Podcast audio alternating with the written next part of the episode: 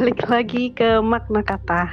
Selamat datang kakak Muhammad Irfan yang mungkin bisa dipanggil Irfan ya? Iya, bener banget. Oke, okay.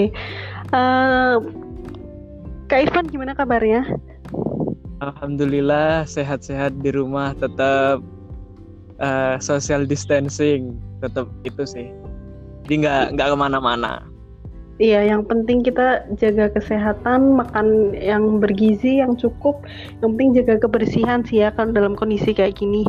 Uh, harapannya kan ya, kita pengennya cepat selesai, cepat bisa balik rutinitas kayak biasanya lagi. Terus pengen orang yang jelas pengen diskusi juga langsung biar gak yang uh, via digital terus atau via online terus kan kadang apa ya kadang kita nggak tahu ekspresi orang tuh kayak gimana lebih enak ketemu nah, langsung iya. atau diskusi langsung kan ya gitu. itu yang belum kejawab sama kebanyakan aplikasi sih gimana sih ekspresi dia ketika uh, di kontak atau yang lain kan beda tuh sama ngobrol kan kayak gitu mm -mm, bener banget jadi memang lebih apa ya lebih kondusif lah ya kalau misalnya ketemu langsung. Mungkin apa yang tadinya nggak kita pikirkan atau mungkin yang tadinya eh, nggak uh, kepikiran sama kita tuh bisa ini bisa muncul gara-gara mungkin uh, ada suatu kejadian saat ketemu langsung atau mungkin saat lihat ekspresinya baru keingetan atau mungkin lihat ekspresi temennya lagi. Itu kan ada beberapa case yang kita miss di situ kan ya sebenarnya.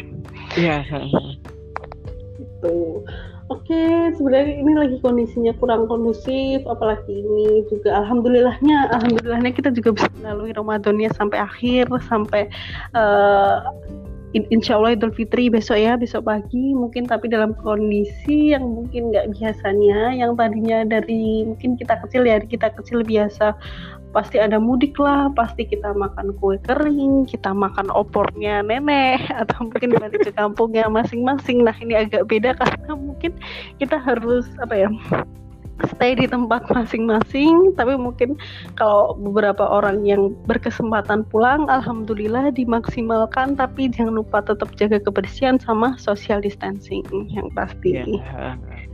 Hmm. Oke, okay, sebenarnya kita mau bahas apa sih kak? Kita mau bahas atau angkat sedikit kali ya tentang isu masalah sosial. Sebenarnya masalah sosial sendiri kan masih apa ya? Masih range-nya masih terlalu lebar lah. Tapi hmm, mungkin kita bisa ambil atau tarik dari kondisi yang sekarang. Kira-kira kalau misalnya dengan kondisi uh, sebelum COVID sama setelah COVID, kira-kira ternyata apa sih dampaknya yang paling kelihatan banget nih masalah sosialnya tuh yang ternyata langsung kelihatan nih uh, ketika adanya uh, COVID-19 ini tuh langsung yang keluar yang muncul pertama kali itu apa sih menurut Kak Irfan? Uh, jadi uh, sebetulnya kan untuk masalah sosial tuh ngikut ya ngikut dari kebijakan pemerintah sebetulnya. Nah, kebijakan pemerintah setelah adanya COVID akhirnya memutuskan untuk uh, salah satunya ya kebijakan uh, jaga jarak lah. Awalnya physical distancing. Habis physical distancing lanjut ke social distancing. Habis social distancing itu ke langkah selanjutnya ya PSBB. Nah, di mana sebetulnya setiap kebijakan itu ada ininya, ada uh, resikonya gitu. Ketika physical distancing ternyata uh, awalnya ketika semua eh, tempat-tempat rame, tempat-tempat orang kumpul, tempat-tempat orang nongkrong itu rame lah awalnya. Tapi hmm. setelah ada kebijakan physical distancing itu mulai mulai sepi. Itu awalnya dirasakan oleh uh, industri retail kita. Awalnya iya. industri iya. retail itu terpukul banget sama industri penerbangan. Nah akhirnya uh, setelah retail dan penerbangan itu merasakan imbasnya ternyata uh, COVID ini masih ini ya masih menyebar gitu.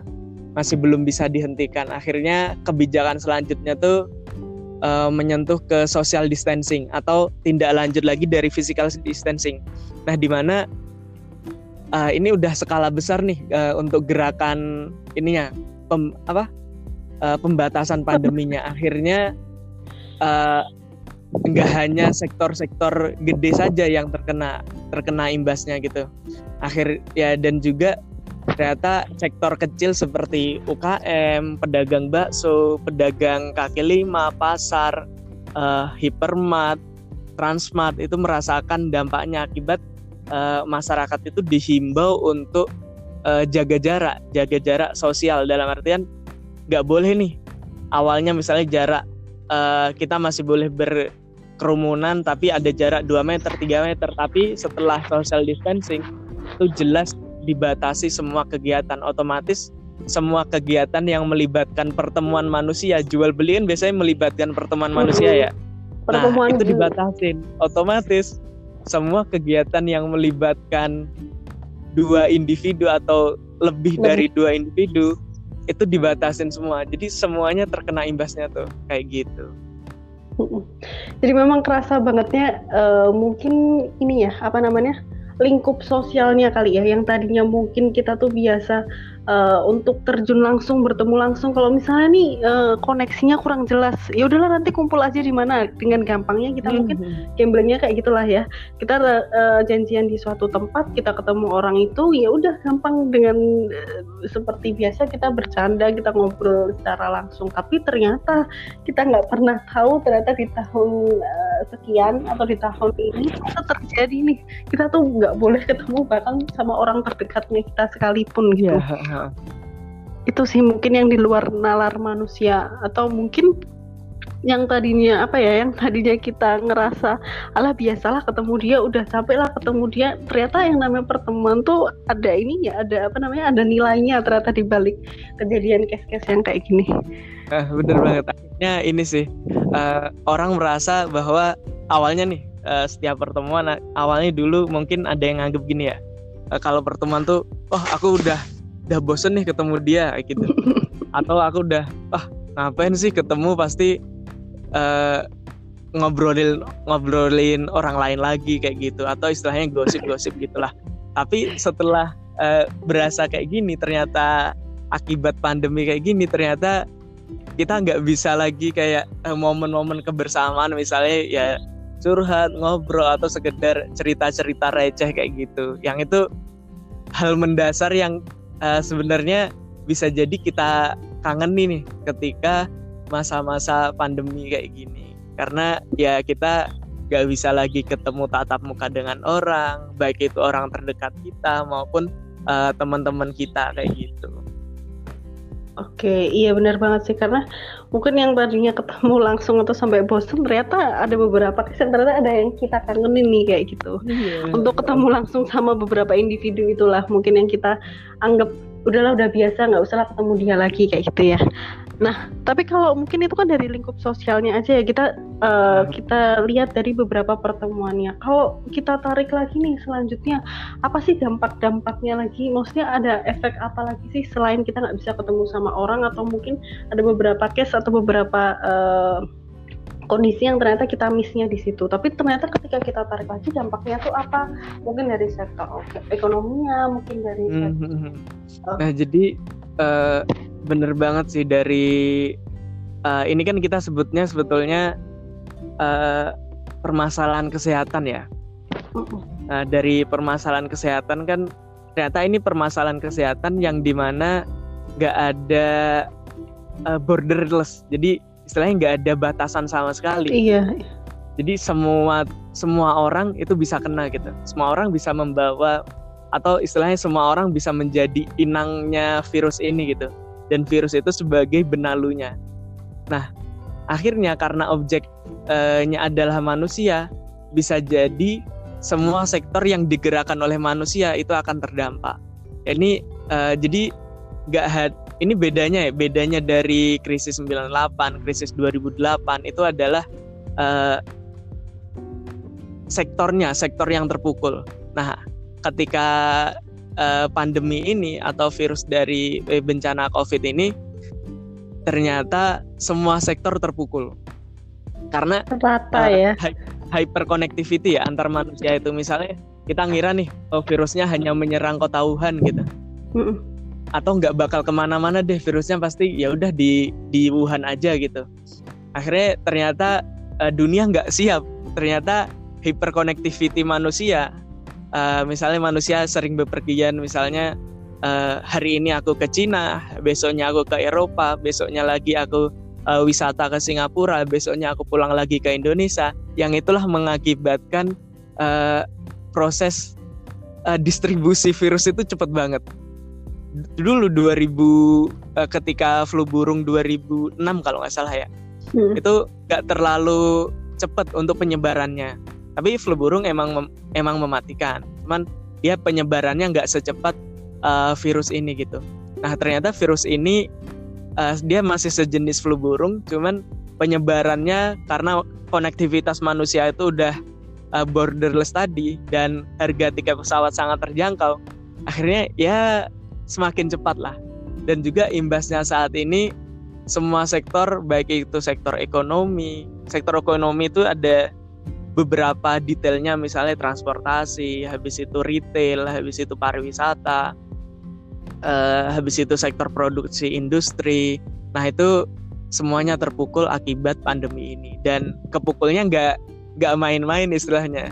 Bahkan ada yang sampai uh, pada kuartal pertama ini uh, dia udah uh, minus. Misalnya dari segi pertumbuhan ekonomi dari sektor itu udah minus pertama dulu dari sektor wisata habis itu sektor retail habis itu saat ini sektor produksi. Nah di mana sektor produksi kan udah kelihatan ya. Uh, kalau teman-teman baca di berita udah hampir 5 juta PHK kayak gitu. Dan berbagai sektor produksi juga terutama industri nah dia sampai penurunan produksi sampai 50 sampai 80 persen atau 90 persen.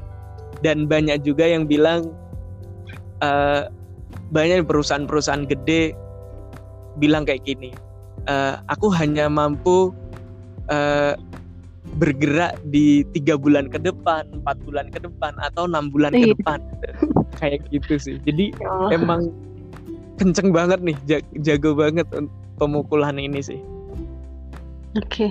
ternyata memang apa ya dampaknya itu tuh mungkin secara perlahan dan kita juga apa ya istilahnya kaget dan gak sadar dan ternyata iya, dampaknya itu secepat itu gitu loh melebihi hmm. apa ya kapasitas kita yang tadinya kita kira oh masih bisa diproyeksi pertama-pertama apa awal-awal kemarin kan sempet ya ada proyeksi ini selesai di sekian ada proyeksi ah. selesai di sekian dengan apa ya dengan gambling dan mungkin itu masih bisa dihitung tapi ternyata uh, apa ya ternyata kuasanya nggak yang sebesar itu juga. Kita masih apa ya masih salah juga memprediksi atau mungkin masih ada kurang benar lah. Bukannya salah tapi kurang benar lah ya. Ternyata masih hmm. ada beberapa faktor yang mungkin di luar apa ya di luar kendali kita. Ternyata masih ada beberapa faktor kan.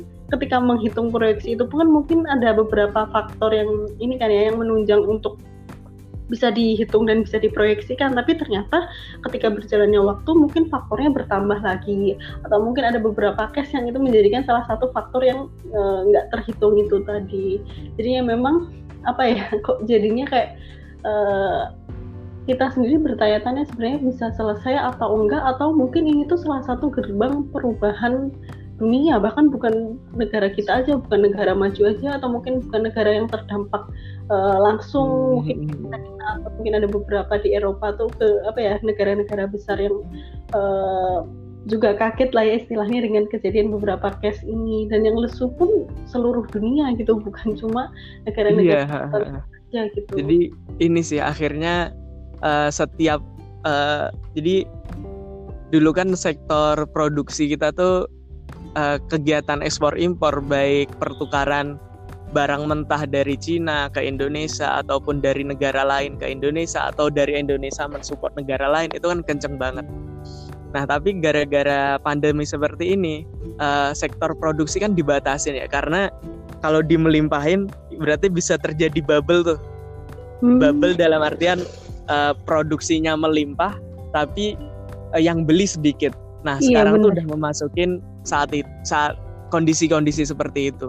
Nah akhirnya uh, sebagian negara dia nggak mau uh, dia membatasi kegiatan uh, ekspornya, lebih mementingkan kebutuhan dalam negeri. Karena kebutuhan dalam negeri pun uh, sektor produksi kan udah kegoncang juga nih. Akhirnya ya udah bahan mentah uh, atau bahan yang dimiliki negara tersebut uh, digunakan seefektif seefisien mungkin untuk kebutuhan dalam negeri kalaupun sisa ya itu baru diekspor kayak gitu. Yang dulunya bisa genjot nih genjot uh, produksi produksi produksi untuk kegiatan ekspor. Tapi saat ini setiap negara itu menahan produksinya. Ya, akhirnya ya kita bisa jadi ya Indonesia tuh ya harus berdikari istilahnya ya. Bener. nggak nggak bisa mengandalkan impor lagi. Semuanya itu harus mulai diproduksi sendiri. Baik itu uh, alat kesehatan uh, vaksin maupun kebutuhan pangan-pangan lainnya ya kita pelan-pelan untuk uh, memproduksi sendiri kayak gitu. Uh, itu kan tadi mungkin beberapa case kejadian dan dampaknya ya. Tapi kira-kira sebenarnya nih ada peluang nggak sih dengan kondisi yang kayak gini atau mungkin di beberapa sektor yang lesu itu kan karena mungkin itu bukan ranah mereka gitu loh.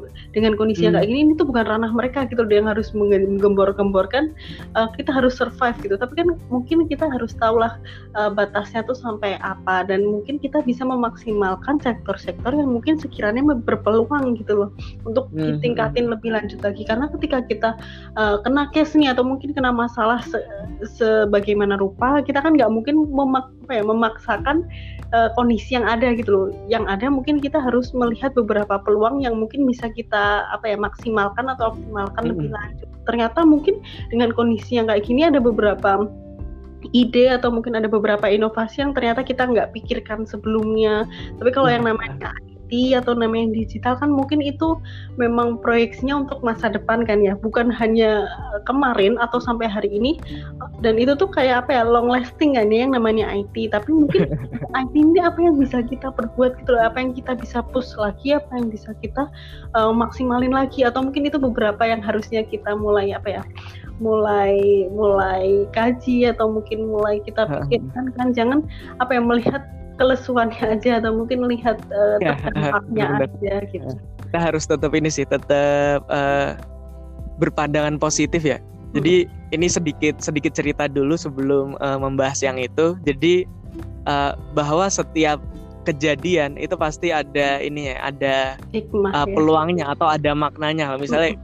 kayak yang kita bahas saat ini kan makna kata gitu. Makna kejadian selalu selalu ada maknanya gitu setiap kejadian.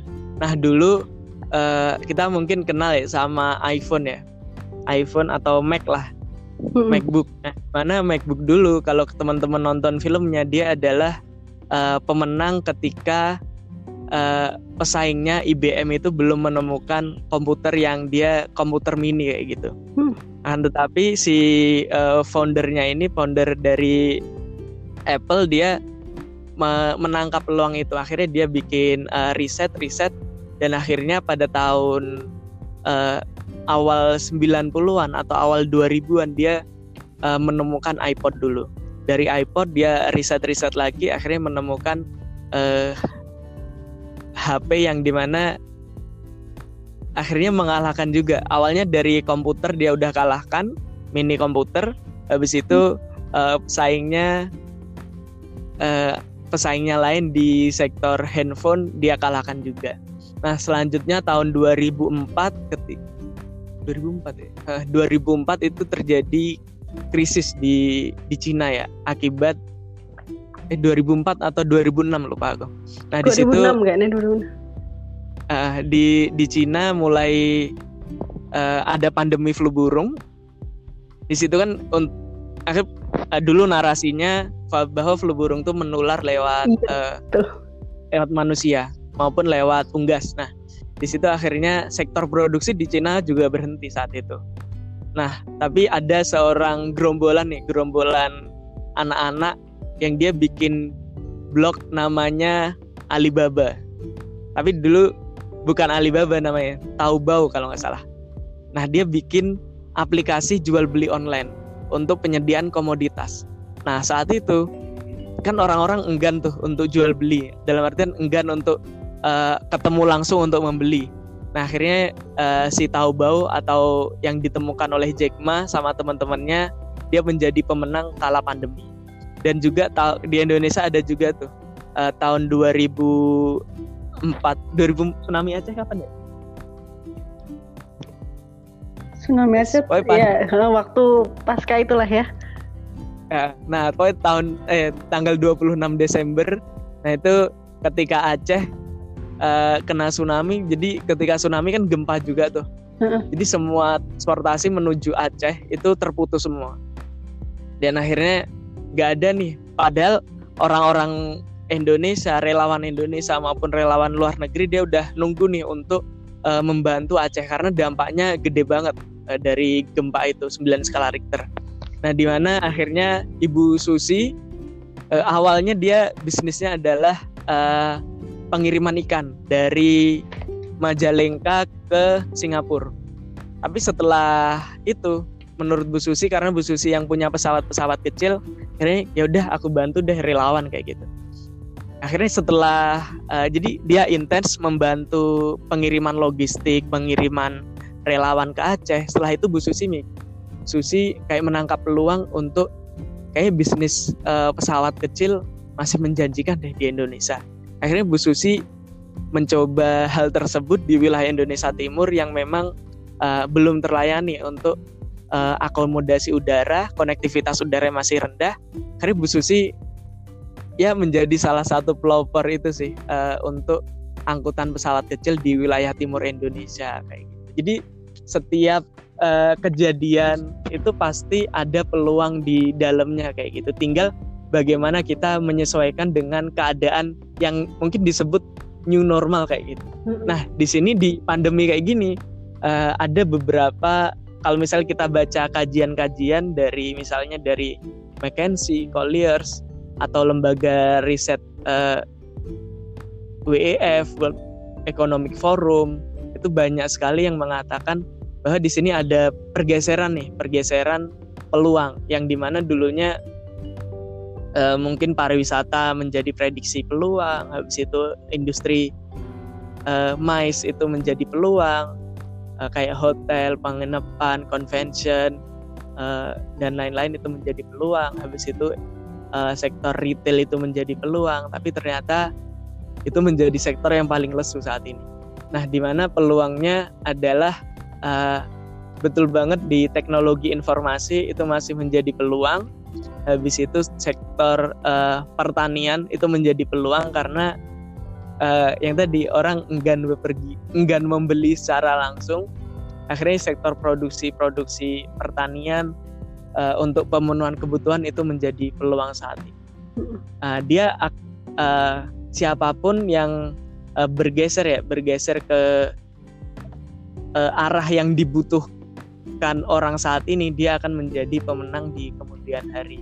Atau dia berhasil adaptasi dengan uh, kondisi saat ini dia akan menjadi uh, pemenang di kemudian hari kayak gitu. Yeah. Jadi sektornya ada pertanian, habis itu uh, obat-obatan farmasi itu menjadi uh, kebutuhan nantinya dan juga sektor uh, teknologi informasi yang berkait pokoknya yang berkaitan dengan teknologi informasi dan kebutuhan pokok manusia kebutuhan pokok manusia saat ini itu menjadi uh, peluang ke depannya. Jadi awalnya dulu kita punya paradigma kalau kebutuhan pokok tuh sandang, pangan, papan. Iya kan seperti itu kan. Uh -uh. Tapi sekarang enggak. Kebutuhan pokok bisa jadi kalau aku nyebutnya bukan sandang, pangan, papan lagi. Apa itu? Tapi lebih ke internet, pangan, obat-obatan. Udah tiga itu kebutuhan manusia saat ini. Rumah dulu menjadi kebutuhan pokok, tapi saat ini ketika pandemi daya beli turun, kebutuhan pokok adalah kebutuhan nanti setelah aku bisa survive dari uh, zona ini kayak gitu. Iya sih sebenarnya tuh kalau masalah kebutuhan pangan kayak gitu kan memang menjadi pokok dari zaman yang dahulu kala gitu ya. Tapi mungkin mm -hmm. uh, apa ya itu tuh agak sedikit terlupakan dengan berjalannya waktu. Mungkin kan uh, orang-orang udah bergeser ke kebutuhan sekundernya atau bahkan kebutuhan tersiernya karena kan memang mereka merasa itu udah cukup udah terpenuhi kita geser nih. Kita penuhi uh, beberapa sektor atau mungkin beberapa ranah yang uh, untuk memuaskan lah masing-masing individunya. Hmm.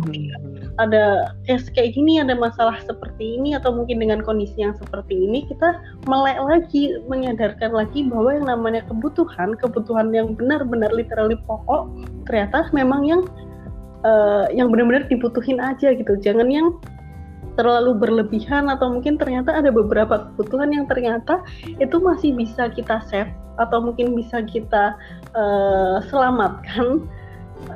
Dan uh, menjadikan kita lebih apa ya lebih berpandangan ke depan kalau ternyata kita masih bisa bergerak atau melakukan sesuatu hal yang mungkin lebih berguna lagi ke depannya kayak gitu.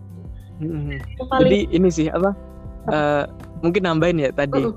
Jadi peluangnya tuh saat ini adalah ibaratnya ibaratnya nih uh, bahwa pandemi ini tuh dia memberikan pelajaran untuk kita semua bahwa kita nggak boleh bergantung sama negara lain gitu atau kita bergantung dengan uh, mengandalkan impor produk lain padahal kita ibaratnya negeri yang super kaya gitu istilahnya ya. Iya benar nggak ada nggak ada misalnya negara tropis selain Indonesia, Indonesia. kayak gitu.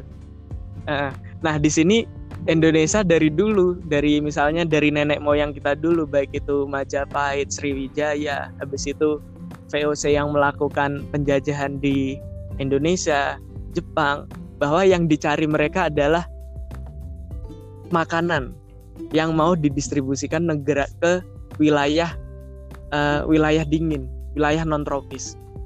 Jadi dulu rempah-rempah kita itu didistribusikan untuk jadi penghangat gitu, penghangat di wilayah uh, wilayah negara dingin. Dan itu menjadi komoditas yang oh jauh dulu sebut bahkan jauh lebih mah pala itu pala ya hmm, pala itu jauh lebih mahal daripada emas.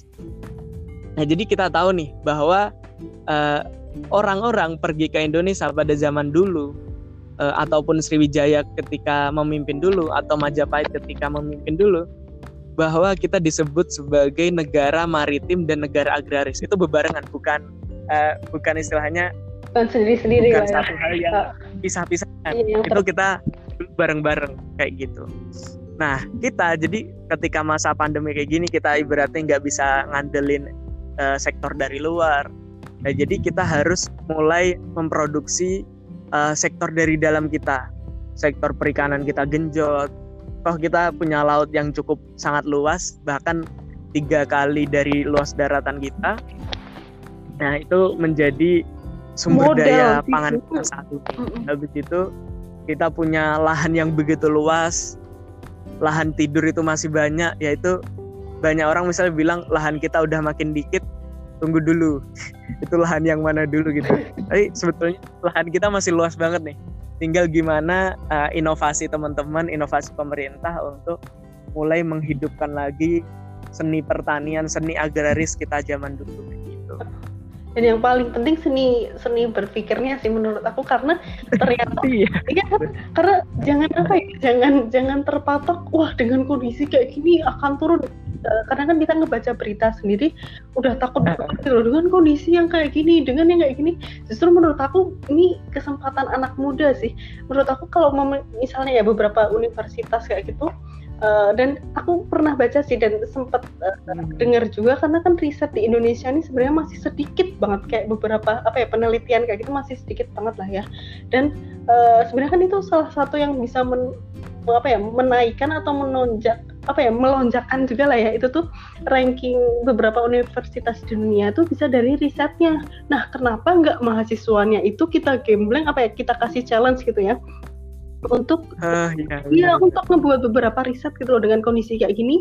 Dan menurut aku kita uh, usia ya aku pernah baca juga di usia milenial sendiri kan sekarang kita masuk ke usia yang uh, generasi Y sama apalagi nanti generasi 2000-an itu ada, adalah generasi Z di mana itu tuh usia-usia yang pemberontak gitu loh dan usia-usia inovasi. Mereka tuh pemikirannya bukan lagi disuruh gitu loh dengan kondisi kayak gini kamu ini ya kerjain tugas. Enggak mereka bahkan udah bisa berpikir lebih dari itu gitu loh. Ketika dia dikasih tugas A gitu dia bisa inovasi gitu loh. Sebenarnya apa sih maksudnya si A gitu loh? Bahkan dia bisa ngebalikin gitu loh pemikirannya lagi.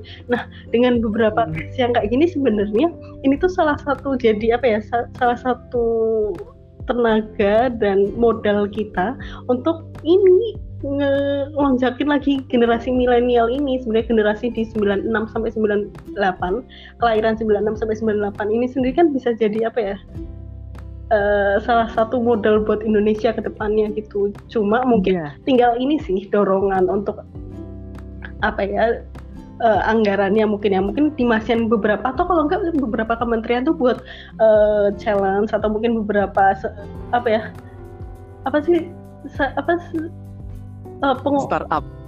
enggak enggak startup oh. dulu kayak yang lomba-lomba gitu namanya apa sih? Sayembaran susah banget. Barang ya. lupa lupa. Uh, pokoknya mungkin sayembara gitu mungkin khusus untuk mahasiswa atau mungkin yang masih usianya masih masuk range berapa dari berapa mungkin ya nggak harus dikasih range juga. Siapa tahu kan mungkin banyak partisipan yang pengen berpartisipasi kan mungkin dengan hadiah berapa itu kan bisa jadi modal mereka juga kan. Atau mungkin banyak hmm. lah istilahnya untuk membuka peluang itu. Istilahnya menurut aku sih balik lagi ke riset sih. Ketika ya, riset itu kan kita kayak serius ya serius ngejalanin. Kita benar-benar ngecari kita benar-benar uh, melihat inovasi atau mungkin mencari, mencari beberapa peluang dengan uh, beberapa kajian yang bukan semena-mena gitu yang bukan seadanya dengan cuma uh, apa ya istilahnya kayak main-main ketika dia benar-benar melakukan riset atau mungkin beberapa lembaga pendidikan dikasih sedikit lah untuk anggaran atau mungkin sedikit modal untuk melakukan riset menurut aku bisa sih nggak usah nggak usah nah. apa ya nggak usah me, apa ya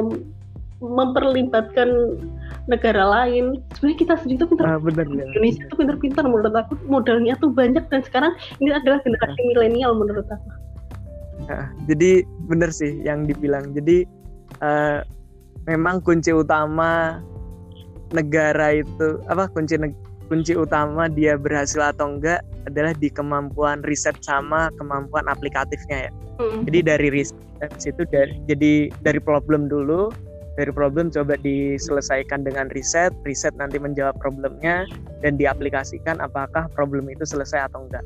Nah, cuman di di emang uh, milenial generasi saat ini, milenial sampai uh, generasi terbaru saat ini itu uh, dia generasi yang sifatnya emang nggak suka disuruh atau dikongkon istilahnya mm -hmm. atau disetir tuh dia nggak mau. Iya benar. Dia ingin dengan ingin ibaratnya ya udah atas kemauanku sendiri. Kalau aku mau pasti aku lakuin. Kalau nggak mau nggak aku lakuin. Nah di mana eh, tinggal bagaimana kita memfasilitasi generasi milenial itu tersebut ya atau generasi setelahnya untuk uh, kegiatan riset. Nah akan tetapi sebetulnya ya uh, apakah negara apakah di Indonesia ya apakah di Indonesia itu anggaran risetnya cukup untuk uh, kegiatan tersebut gitu. Apakah uh, emang support untuk uh, kegiatan riset itu tinggi atau enggak. Nah, itu menjadi pertanyaan selanjutnya. Nah, kalau misalnya jadi berbagai uh, mungkin di negara maju anggaran risetnya itu jauh jauh lebih tinggi ya, baik itu riset teknologi, riset uh, militer maupun riset iya. pertanian dan lain itu tergolong tinggi. Cuman di Indonesia untuk risetnya masih menurutku masih kecil ya dan kecilnya itu itu belum lagi terdistribusi gitu. Baik misalnya di eh, universitas-universitas. Uh, jadi aku kan uh, mengalami sendiri ya uh, uh, di desa gitu. Ya di desa dari pertanian zaman kakekku sampai zaman sekarang pertanian di desa aku masih saat masih kayak gini. Padahal riset teman-teman di universitas yang terkenal tentang sektor pertanian, sektor unggulan, perlakuan tanah, perlakuan hama dan lain-lain itu udah banyak banget. Tapi di petani mereka nggak mendapatkan informasi tersebut. Atau istilahnya dari teman-teman yang uh, mungkin yang berkelebih apa mengenyam pendidikan atau mendapatkan iya. kesempatan mengenyam pendidikan itu ya akhirnya dia tidak lagi memaksimalkan Potensi. pengetahuannya kayak gitu potensinya atau berhenti misalnya uh, ya udah deh aku jadi berarti aku nggak mau effort lebih uh, misalnya aku lulus dari pertanian akhirnya karena di pertanian aku diajarin statistik nanti aku belajar dari ya udah ikut perusahaan lain atau uh, kayak gitulah seperti itu jadi emang ini sih multi multisektoral ketika kita bahas tentang riset kita. Cuman emang seni riset itu diajarkan dari nenek moyang kita dulu. Dari misalnya kalau teman-teman baca uh, apa namanya? Apa ensiklopedia? Uh, bukan bukan. Tembang-tembang lah istilahnya. Oh, kalau di Jawa pakai ya, nyanyian tembang atau relief-relief lah. Itu kan sebetulnya atau prasasti baik itu lontar iya itu nah itu tuh sebetulnya kan uh itu itu sebetulnya riset uh-uh. riset empu-empu kita dulu kan dulu nyebutnya orang yang berilmu kan empu atau kiai iya. nah itu mereka punya ilmu banyak banget ya akhirnya ditulis di ibaratnya di naskah-naskah zaman dulu lah. Cuman uh, saat ini kita melompati itu melompati sejarah kalau kita dulu adalah periset yang ulung sebetulnya. Cuman riset setuju banget kita mau sukses ya kita lewat riset. Jadi uh, kondisi di Indonesia nggak bisa disamakan dengan kondisi di luar negeri. Baik itu misalnya penyakit-penyakit, misalnya kesehatan, penyakit tropis sama penyakit non tropis itu beda dan uh, daya tahan manusianya juga beda-beda. Jadi uh, kita harus pelajari di di apa dengan konteks lokalnya kita kayak gitu. Dan konteks lokal itu pertanggungjawabannya ya kita distribusikan ke teman-teman yang membutuhkan di lapangan. Misalnya ya tadi riset. Uh, bagaimana setiap riset itu memberikan dampak atau pengaruh yang baik ya hmm. misalnya riset uh, tentang transportasi bagaimana menyelesaikan uh, kemacetan di daerah perkotaan memberikan transformasi apa transportasi uh, yang menggunakan energi yang lebih keberlanjutan dan lain sebagainya seperti itu jadi itu emang setiap inovasi atau setiap perubahan itu diawali dari riset dan peluang kayak gitu ya balik lagi. Mungkin ada beberapa case yang kita miss atau mungkin yang memberatkan tuh ya itu termasuk karena uh, riset sendiri kan membutuhkan sebenarnya anggaran juga kan. Kayak teman-teman ngelakuin skripsi kadang kan ada beberapa pengeluaran yang tidak terduga atau mungkin yang harus dikeluarkan itu kan sedikit memberatkan kan sebenarnya. Apalagi mungkin risetnya di sini yang akan kita bahas dari mungkin bidang kesehatan apalagi bidang kesehatan nggak tahu lagi itu pengeluarannya berapa kan untuk uh, trial beberapa kalinya itu. Terus mungkin di bagian pertanian di bagian perikanan kan ada beberapa sektor yang mungkin bisa dilakukan seperti itu kan.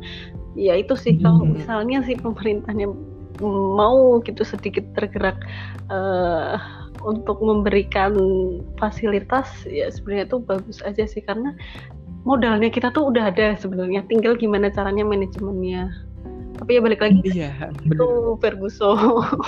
Untuk untuk padahal ya padahal kalau logikanya nih eh, logika ketika kita main riset gitu. Di riset kan nggak berhenti di riset A gitu. Uh, uh. riset A jadi produk. Habis itu dari produk itu bisa oh ternyata ada catatnya nih kita riset lagi jadi produk B. Jadi turunannya tuh banyak banget gitu. Jadi bisa jadi ya uh, multiplier efeknya ke sektor ekonomi itu bisa berkali lipat daripada kita membeli produk jadi istilahnya kayak gitu. Beratnya nih uh, teman-teman yang main di herbal misalnya. Oh saja nih uh, jahe kencur dan lain-lain rempah-rempah Indonesia tuh khasiatnya apa sih? Itu kan setiap rempah kan ada kandungannya nih. Dari senyawa kandungannya nanti di riset oh ternyata ini khasiatnya untuk kecantikan. Ternyata ini khasiatnya untuk imunitas tubuh. Ini uh, untuk uh, mak pengganti makanan manusia kayak gitu. Nah dari situ nanti pasti ada riset turunan ke produk pertanian. Dari kandungan kandungan senyawa turun lagi ke riset produk pertanian atau produk olahan nih. Dari olahannya misalnya dari olahan pil olahan uh, kapsul masker dan lain-lain itu banyak lagi turunannya. Nah itu menurutku menjadi apa ya uh, yang bisa menghidupkan berbagai uh, multiplier effect kayak gitu. Jadi uh, mungkin yang bergerak nggak hanya satu sektor nanti, tapi bisa uh, berbagai sektor dan itu terhubung kayak gitu. Iya, apa itu. Maksudnya bukan hanya menggerakkan di bidangnya aja gitu. Siapa tahu itu hmm. loh apa ya? Apa sih? Itu kalau IPA dulu tuh pengait apa ya ya itulah. Udah lupa juga kan pelajaran dulu. Apa ya pengait satu sama lain. Apa ya yang itu loh yang gambar apa sih pemotong kemiri dulu. Ekosistem. Penjangkit apa? Yang pencungkil tuh loh maksudnya kan salah satu apa ya alatnya gitu loh untuk ke beberapa sektor lainnya ya itulah. Iya, iya, gitu. uh, nah berarti uh, bisa ditarik kesimpulan kan. Sebenarnya tuh di setiap apa ya di setiap masalah itu ada uh, peluang. Dan yang paling penting kita harus percaya di suatu kejadian ketika itu diridhoi sama Allah yaitu mungkin uh, ada hikmahnya yang harus kita pelajari lebih apa ya lebih dalam maknanya. Dan yang salah satunya sesederhana kayak kita ketemu orang kita melakukan sebuah pertemuan balik lagi kan yang ke pertama tadi ternyata itu mahal loh harganya gitu. Apalagi yeah, teman yang tadi merantau jauh gitu uh, jarang ketemu keluarganya dengan sibuk ke berbagai pekerjaannya gitu loh. Dengan sesederhana lupa untuk telepon mungkin sama ibunya atau mungkin sama keluarganya. Hmm. dan itu kan sederhana itu sebenarnya kita tuh disadarkan dengan beberapa case kayak gini. Lo tuh jangan terlalu sibuk gitu loh. Maksudnya sibuk boleh tapi uh, harus menghargai juga suatu komunikasi atau pertemuan itu sendiri. Ternyata ketika kita ditutup nih semua uh, aksesnya uh, kita sesedih itu kan sampai mungkin ada yang uh, nekat untuk tetap balik lah tetap mudik atau mungkin tetap melakukan perjalanan yang mungkin uh, sama uh, pemerintah itu sendiri. Tapi kita balik lagi ternyata uh, semahal itu loh gitu. Dan kita sebenarnya di apa ya, di dalam hati itu ada uh, kesamaan satu sama lain. Ternyata sama merasakan hal yang sama. Jadi sebenarnya ini tuh bisa bisa jadi uh, dua hal ya kayak kita jatuh bareng-bareng atau kita bisa bangkit bareng-bareng gitu. Dan memang mengkoordinasikan atau mengakomodir orang sebanyak ini ya, susah. Dan kita nggak bisa mm-hmm. apa ya salah menyalahkan gitu loh. Apalagi mungkin posisi di atas berat menurut aku susah banget sih. Dengan kondisi kayak gini pemangku kebijakan dan pengambilan keputusan tuh harusnya secepat itu dan memang harus strategi strategik itu gitu loh jadi ya sama-sama apa ya sama-sama sama-sama mendukung satu sama lain. Tapi ya, benar. Yang di atas. Jadi emang lah ya jangan apa ya jangan dengan kita percaya sama yang pemangku kebijakan yang di atas, janganlah semena-mena atau mengambil apa ya mengambil beberapa hak yang tidak seharusnya. Jadi memang harus sama-sama mengerti. Tapi ya itu sebenarnya dari atas sendiri sih pemangku kebijakan bisa mengayomi dan bisa sama-sama apa ya sabar sedikit lah karena yang di bawah kan uh, kan case-nya beda-beda juga kan yang di beda-beda juga harus sama-sama mengerti di situ. Menurut kamu gimana? Jadi uh, mungkin tak tambahin dikit ya. Hmm.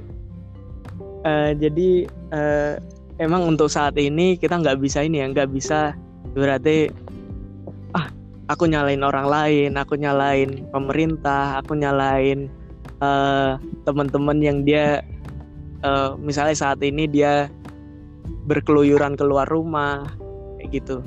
Ataupun aku menyalahkan uh, uh, berarti inilah apa menyalahkan orang lain gitu.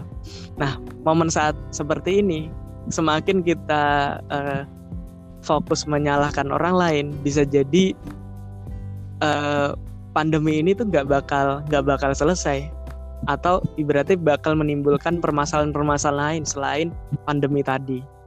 Nah, ini case-nya mungkin hampir sama ketika uh, bagaimana nenek moyang kita dulu memerdekakan gitu. Mungkin nggak bakal merdeka kalau misalnya mereka nggak ada titik temu. Nggak bakal merdeka ketika mereka masih berselisih pendapat gak bakal merdeka ketika mereka masih ego masing-masing gak mau kontribusi di sektor masing-masing. Saya inget banget, uh, aku inget banget ketika nonton film uh, Jenderal Sudirman. Iya. Yeah.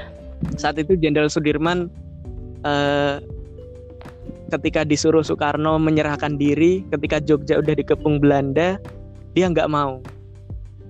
Saya akan bentuk TNI atau sebutannya apalah lupa aku.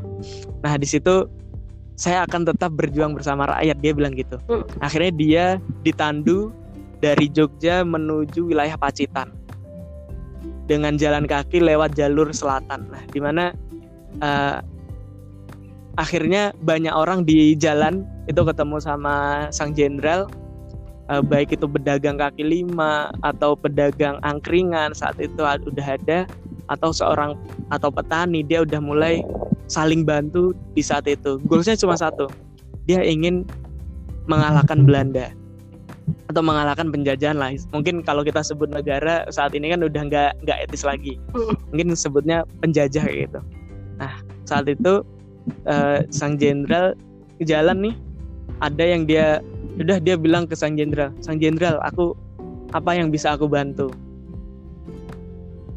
aku nggak bisa membantu ibaratnya aku nggak bisa membantu anda untuk turut berperang karena aku udah tua renta kayak gitu akhirnya dia serahkan rumahnya sebagai base camp untuk uh, kegiatan ini kegiatan uh, strategi militer dari Jenderal Sudirman. Ada lagi, Kang Jenderal, aku hanya punya uh, panen umbi-umbian yang aku bisa kasihkan untuk support uh, teman-teman para pejuang kayak gitu. Hmm. Akhirnya dia sumbangkan. Kang Jenderal, aku hanya bisa menandumu di setiap uh, langkah perjuangan. Kan dulu Jenderal Sudirman dalam keadaan sakit-sakitan ya setelah dari Jogja ke yeah. Pacitan itu beliau dalam keadaan sakit-sakitan. Nah, jadi setiap orang memang ini ya dari situ emang perlu nih untuk punya uh, punya satu visi yang sama. Visinya apa, goalsnya apa. Akhirnya orang-orang pasti akan menyesuaikan kontribusiku apa yang bisa aku lakuin. Nah, saat ini yang kita butuhin adalah itu. Mungkin uh, sektor desa nggak terlalu terpengaruh misalnya untuk kegiatan ini ya dampak dampak dari pandemi. Desa tetap bergerak untuk produksi pertanian, nanti pemerintah ambil produk desa untuk distribusikan ke apa keluarga-keluarga Indonesia yang ada di kota. Habis itu teman-teman uh, yang bergerak di bidang kesehatan uh, tetap uh, melakukan riset dan melakukan uh, perawatan sama pasien. Habis itu orang-orang yang dia belum terkena uh, pandemi tetaplah di rumah. Habis itu uh, jaga jarak dan tetap terapkan social distancing atau karantina mandiri kayak gitu. Jadi setelah kita jadi tujuan kita sama nih. Indonesia bebas dari uh, bencana kesehatan. Nah, itu tujuan kita. Nanti setiap orang bakal kontribusi apa yang bisa dilakuinnya orang yang berlebih dia membeli produk dari Indonesia akhirnya menggerakkan roda ekonomi di uh, kalangan internal Indonesia internal nasional kayak gitu jadi uh, emang bener sih uh, kalau misalnya saat ini kan kita memaknai Ramadan ya Ramadan kan sebetulnya ajang kita untuk uh, melatih kesabaran ya Nah, bener kan? Iya, bener. Nah, jadi setelah kita bersabar, kita nerimo istilahnya, kita kontribusi uh, menahan apa yang dilarang di Ramadan uh, kita udah lakuin itu nanti pasti dikasih tuh dikasih uh, pasti setelah kita puasa nih berarti setelah puasa pasti kamu bakal dikasih buka ya kan? Atau kenikmatan. Nah jadi atau setelah kita puasa Ramadan nanti kita dikasih Lebaran. Di hari pertama kita makan ketupat kita ketemu keluarga dan lain-lain. Itu sebuah ini ya sebuah makna dari adanya Ramadan. Setelah kita puasa seharian maknanya kita dikasih uh, berbuka. Nah dari situ bahwa setiap momen kita uh, berjuang atau bersabar pasti nanti ada menuai hasil yang memang tidak terduga. Mungkin kita udah ini ya enggak enggak mungkin dari teman-teman yang dia uh, berkegiatan kegiatannya dibatasi misalnya uh, jarang berarti untuk keluar rumah pun udah susah untuk main ke tempat-tempat kumpul itu udah dilarang. Nah itu coba teman-teman mungkin uh, sedikit bersabar lah bersabar atau menahan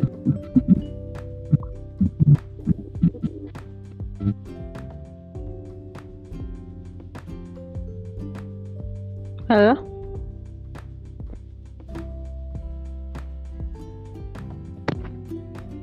Balan yang setimpal gitu.